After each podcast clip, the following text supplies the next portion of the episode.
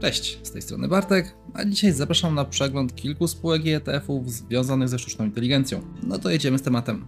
Zacznijmy od największych przedstawicieli spółek technologicznych. Ze względu na ich popularność oraz na to, że większość z nich pojawiała się już na kanale, omówię tylko co ciekawsze projekty sztucznej inteligencji, w której te podmioty się angażują. Celowo pominę również Microsoft, ponieważ ta konkretna spółka oraz jej inwestycja w ChatGPT jest już tak szeroko omawiana, że ciężko coś nowego powiedzieć. Partnerem dzisiejszego odcinka jest Freedom24, broker, który oferuje konto maklerskie z najwyższym procentowaniem wolnej gotówki. Na koncie we Freedom24 Twoja gotówka pracuje wtedy, kiedy Ty czekasz na najlepsze okazje. Oprocentowanie wkładów sięga 2,5% rocznie dla euro i 3% dla dolarów amerykańskich. Odsetki wypłacane są codziennie, a broker regulowany jest przez amerykański SEC, niemiecki BaFin oraz cypryjski SISEC. Zacznijmy od właściciela Google. Wszyscy doświadczyliśmy potęgi sztucznej inteligencji serwowanej przez Google.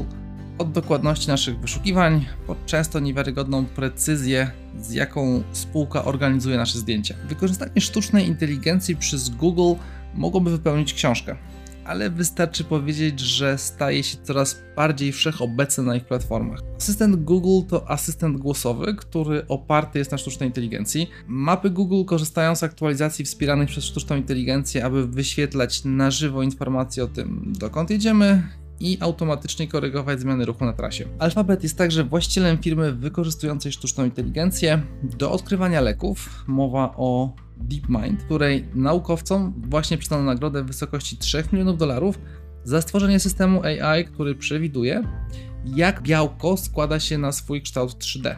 Naukowcy z DeepMind nauczyli również cyfrowe humanoidy, jak od podstaw grać w piłkę nożną. Następna na liście jest Nvidia.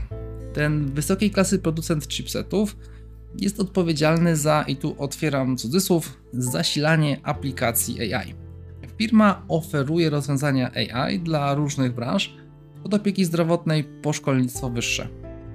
Nvidia posiada oprogramowanie do rozpoznawania mowy, obrazowania medycznego, do gier i poprawy zarządzania łańcuchem dostaw. Jednym z bardziej rozpoznawalnych projektów jest Omniverse Cloud Services, który może mieć zastosowanie dla przemysłowych aplikacji Metaverse. Fragment nagrania, który widać na ekranie, powstał właśnie dzięki Nvidia Audio to Face a głosy są wygenerowane przez sztuczną inteligencję.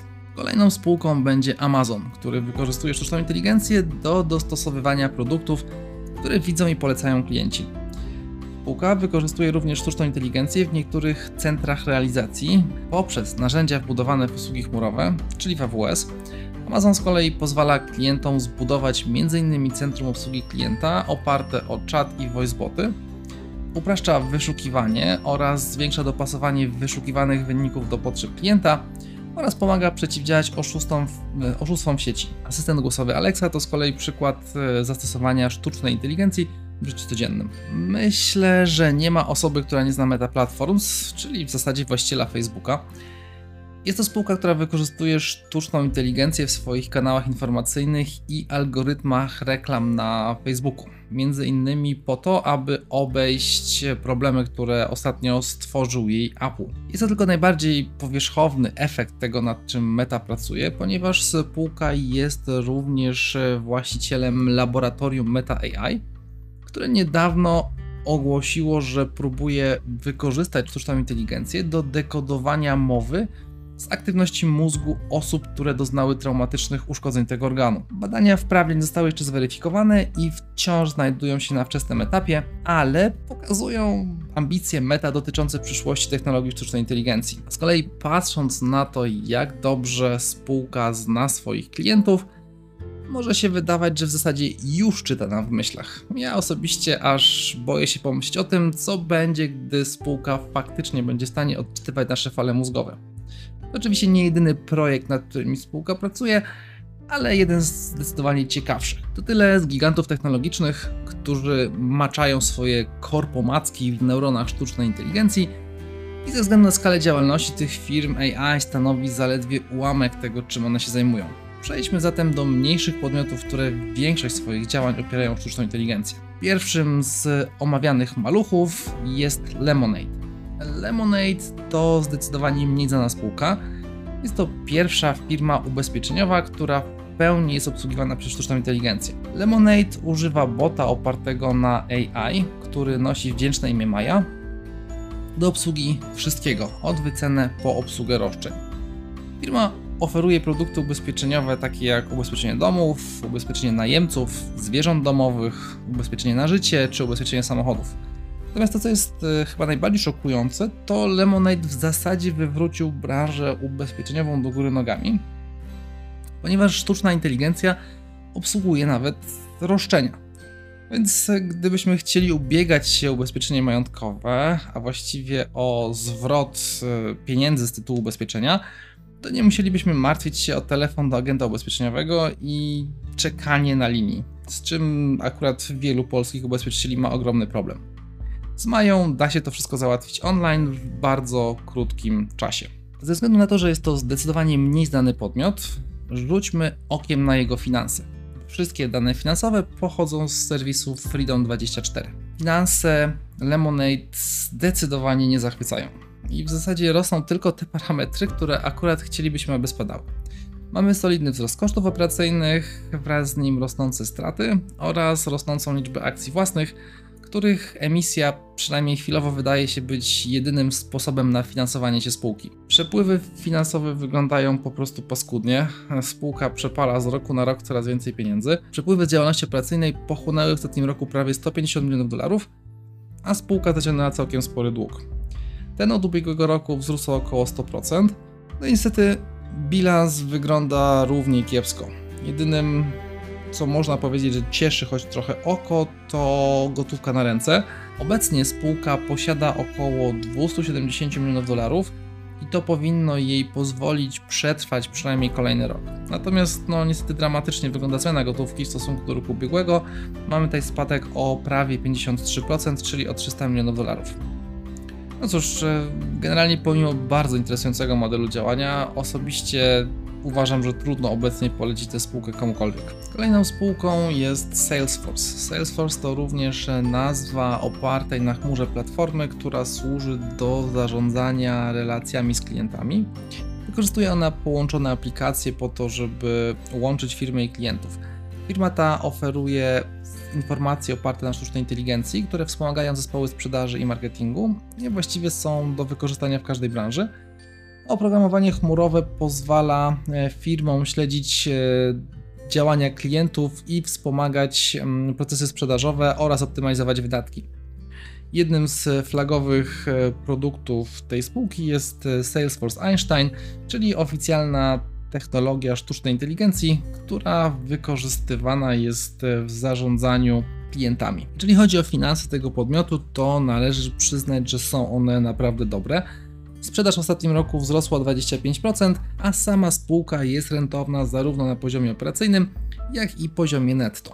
Niestety mały minus na tym pozytywnym obrazku jest taki, że zysk operacyjny rośnie dosyć wolno, bo zaledwie około 9% za ostatnie 12 miesięcy, i co więcej, od 2018 roku ten zysk operacyjny urósł w sumie o około 10%. Tradycyjnie w przypadku takich spółek niestety rośnie liczba akcji własnych i za ostatni rok mamy wzrost o około 5%, natomiast od 2018 roku liczba akcji wzrosła o około 30%. Plusem jest stabilny wzrost gotówki z działalności operacyjnej. Ta w ostatnich 12 miesiącach rośnie dość podobnym tempie jak sprzedaż, to jest e, bardzo pozytywne i ten wzrost wynosi około 25%. Dodatkowo, jeżeli chodzi o bilans, pozycja gotówkowa jest bardzo dobra. Spółka posiada około 10 miliardów dolarów mm, gotówki i krótkoterminowych inwestycji, Natomiast e, zadłużenie to z kolei 12, 21 miliardów dolarów. Jeżeli chodzi o wycenę, jeżeli patrzeć na wycenę wskaźnikiem price to sales, to ta jest w miarę przyzwoita i wynosi około 5 punktów. Natomiast e, wycena mnożnikiem price to earnings jest umiarkowanie wysoka i wynosi aż 26 punktów. Biorąc pod uwagę powyższe, z pewnością w cenie spółki jest doskonały performance w najbliższych 3-4 latach. Natomiast jeżeli spółka dowiezie prognozy, to wydaje się, że akcjonariusze mają szansę być zadowoleni, Natomiast każde większe potknięcie będzie się prawdopodobnie kończyło dość przykrymi przecenami. Ostatnia ze spółek, które chciałbym dzisiaj pokrótce omówić, to C3 AI. Jest to firma, która stara się zastosować sztuczną inteligencję w szerokiej gamie problemów biznesowych. Spółka oferuje rozwiązania, które pomagają w wykrywaniu oszustw, monitorowaniu e, stanu sieci czujników, optymalizacji sieci dostaw, zarządzaniu energią, przeciwdziałaniu praniu brudnych pieniędzy i budowaniu zaangażowania klientów. W zasadzie to jest tylko i wyłącznie wycinek oferty, którą spółka jest w stanie przedstawić swoim klientom. Jest to podmiot, który notowany jest pod bardzo wdzięcznym tickerem AI, więc zdecydowanie nie mogło go zabraknąć na tym zestawieniu. Jak widać na wykresie, ostatnie dwa miesiące są dla kursu jej akcji naprawdę super. Jeżeli chodzi o finanse, to niestety aż tak dobrze nie ma. I wprawdzie mamy rosnące przychody, które wzrosły o całkiem sympatyczne 40% w ciągu ostatnich 12 miesięcy. Mamy dosyć niskie rozwodnienie akcji własnych, co jest dosyć niezwykłe, jeżeli chodzi o podmioty tego typu. Mianowicie w ostatnich 4 latach spółka wyemitowała, tu cudzysłów, zaledwie 9% nowych akcji, natomiast ostatni rok to już przyzwoite niecały 1%. Negatywnym czynnikiem niestety jest e, dosyć szybki wzrost e, kosztów operacyjnych i to jest wzrost wyższy niż e, przychodów. Mamy plus 84% w ciągu ostatnich 12 miesięcy i to przekłada się na mm, stratę operacyjną blisko 200 milionów dolarów. Przepływy dosyć klasycznie są ujemne z działalności operacyjnej i dodatnie z działalności finansowej. No i tutaj niestety niepokoi mnie trochę fakt, że mm, te ujemne, ujemne przepływy z działalności operacyjnej wzrosły, czy właściwie no są jeszcze bardziej ujemne, e, o 250% bardziej w cudzysłowie ujemne niż były w 2019 roku. Natomiast atutem spółki jest e, dość dobra pozycja gotówkowa, mm, która wynosi około 1,4 miliarda dolarów. Pozwoli to spółce kontynuować działalność w kolejnych latach, nawet gdyby doszło do sytuacji, w której banki byłyby niechętne do udzielania finansowania, więc tutaj jest naprawdę ok. Gorszą wiadomością dla akcjonariuszy jest wycena i ta mierzona wskaźnikiem price to sales wynosi około 9 punktów. Ok, jest to dosyć wysoko, ale też e, nie ma może tutaj totalnej tragedii. Tak więc jeżeli jesteś zainteresowany ekspozycją na sektor, to jest e, to spółka, której warto się przyjrzeć i potencjalnie przy jakiejś większej korekcie być może zainicjalizować jakąś pozycję. W ostatniej części tego nagrania chciałbym przyjrzeć się bliżej ETF-om, które oferują inwestorowi ekspozycję na sztuczną inteligencję.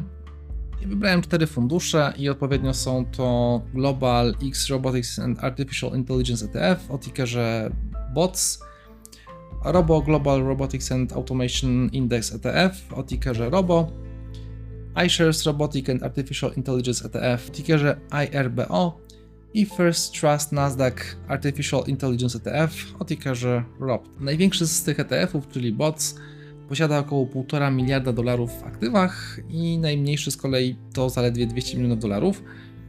Koszty zarządzania wahają się od 0,5 do 0,95% e, rocznie, więc nie są to jakieś bardzo duże kwoty, natomiast no zdecydowanie więcej niż e, to, co musielibyśmy zapłacić za kupno ETF-a na S&P 500. Więc warto może w takim razie przyjrzeć się, e, jaką stopą zwrotu charakteryzowały się te mm, fundusze od początku 2020 roku. No i ta niestety jakoś nadzwyczajnie nie zachwyca. Poszczególne fundusze zarobiły odpowiednio. BOTS 2,57% średniorocznie, ROBO 7,39%, IROP 4,4% i ROPT 5,8%. No i są to zdecydowanie wyniki gorsze od szerokiego rynku. Jeżeli byśmy przyjrzeli się, co te fundusze inwestują, najbardziej skoncentrowanym funduszem jest BOTS, ponieważ tutaj 10 największych pozycji to 67% portfela, a poszczególne akcje potrafią mieć udział przekraczający 10% w inwestycjach tego funduszu. Głównie fundusz inwestuje w large capy, które stanowią aż 62% jego wartości aktywów, natomiast ponad połowa portfela zainwestowana jest w akcje spółek spoza Stanów Zjednoczonych. Tutaj króluje akurat Japonia. No niestety wysoka koncentracja tego funduszu raczej zaszkodziła wynikom, ponieważ jak było widać chwilę wcześniej, osiągnął najgorsze rezultaty spośród omawianych ETF-ów, na poziomie około 2,57% średniorocznie. Kolejny fundusz, czyli Robo, e, to fundusz, który koncentruje się głównie na spółkach spoza Stanów Zjednoczonych. Mm, te spółki to aż 58% e, portfela funduszu, natomiast są to również spółki o średniej wielkości. Tutaj udział tych e, podmiotów, tych midcapów to 42% aktywów funduszu. Trzeci IRBO to jest fundusz, który po raz pierwszy przeważa nieco spółki amerykańskie e, i tutaj udział tych amerykańskich podmiotów to jest 51% w aktywach mm, e, funduszu, natomiast e, podział pomiędzy małe, średnie i duże spółki jest względnie wyrównany, każdy to jest około 30 kilku procent. Ostatni, najmniejszy z funduszy jest również funduszem, który jest nieco bardziej skoncentrowany niż dwa poprzednie. Tutaj 10 największych pozycji to 23% portfela, natomiast e, w zasadzie praktycznie żadna pozycja nie przekracza 4%. Także nie ma aż tak dużej koncentracji jak e, BOTS. Fundusz ten posiada największy udział spółek z Stanów Zjednoczonych, stanowią one 52% jego aktywów i przeważa nieco spółki o średniej wielkości, które stanowią około 38% e, portfela. Spółki duże to 35%, a małe spółki to zaledwie 27% portfela. Podsumowując, nie jestem jakimś wielkim zwolennikiem inwestowania obecnie w podmioty zajmujące się sztuczną inteligencją. Można ewentualnie, moim zdaniem, rozważyć dobór pojedynczych spółek. Tutaj dość dobrze radzi sobie omawiany nie tak dawno Palantir. Uważam, że ten sektor jest mocno przegrzany, no i oczywiście głównym winowajcą jest tutaj e, hype na chat GPT. Większość spółek pozostaje nierentowna i na dodatek ma problem ze skalowaniem biznesu, czyli oznacza to mniej więcej to, że straty operacyjne tych mniejszych podmiotów e, rosną proporcjonalnie do sprzedaży, e, a więc e, każdy dolar sprzedaży zamiast dokładać się jakoś pozytywnie do tego biznesu, tak właściwie generuje stratę operacyjną. No i powoduje to, że część tych spółek może zacząć borykać się w obecnym otoczeniu z problemami finansowymi. Tak więc osobiście przynajmniej na razie odradzałbym ten sektor. To tyle z mojej strony. Dzięki za uwagę i do usłyszenia na kolejnym nagraniu.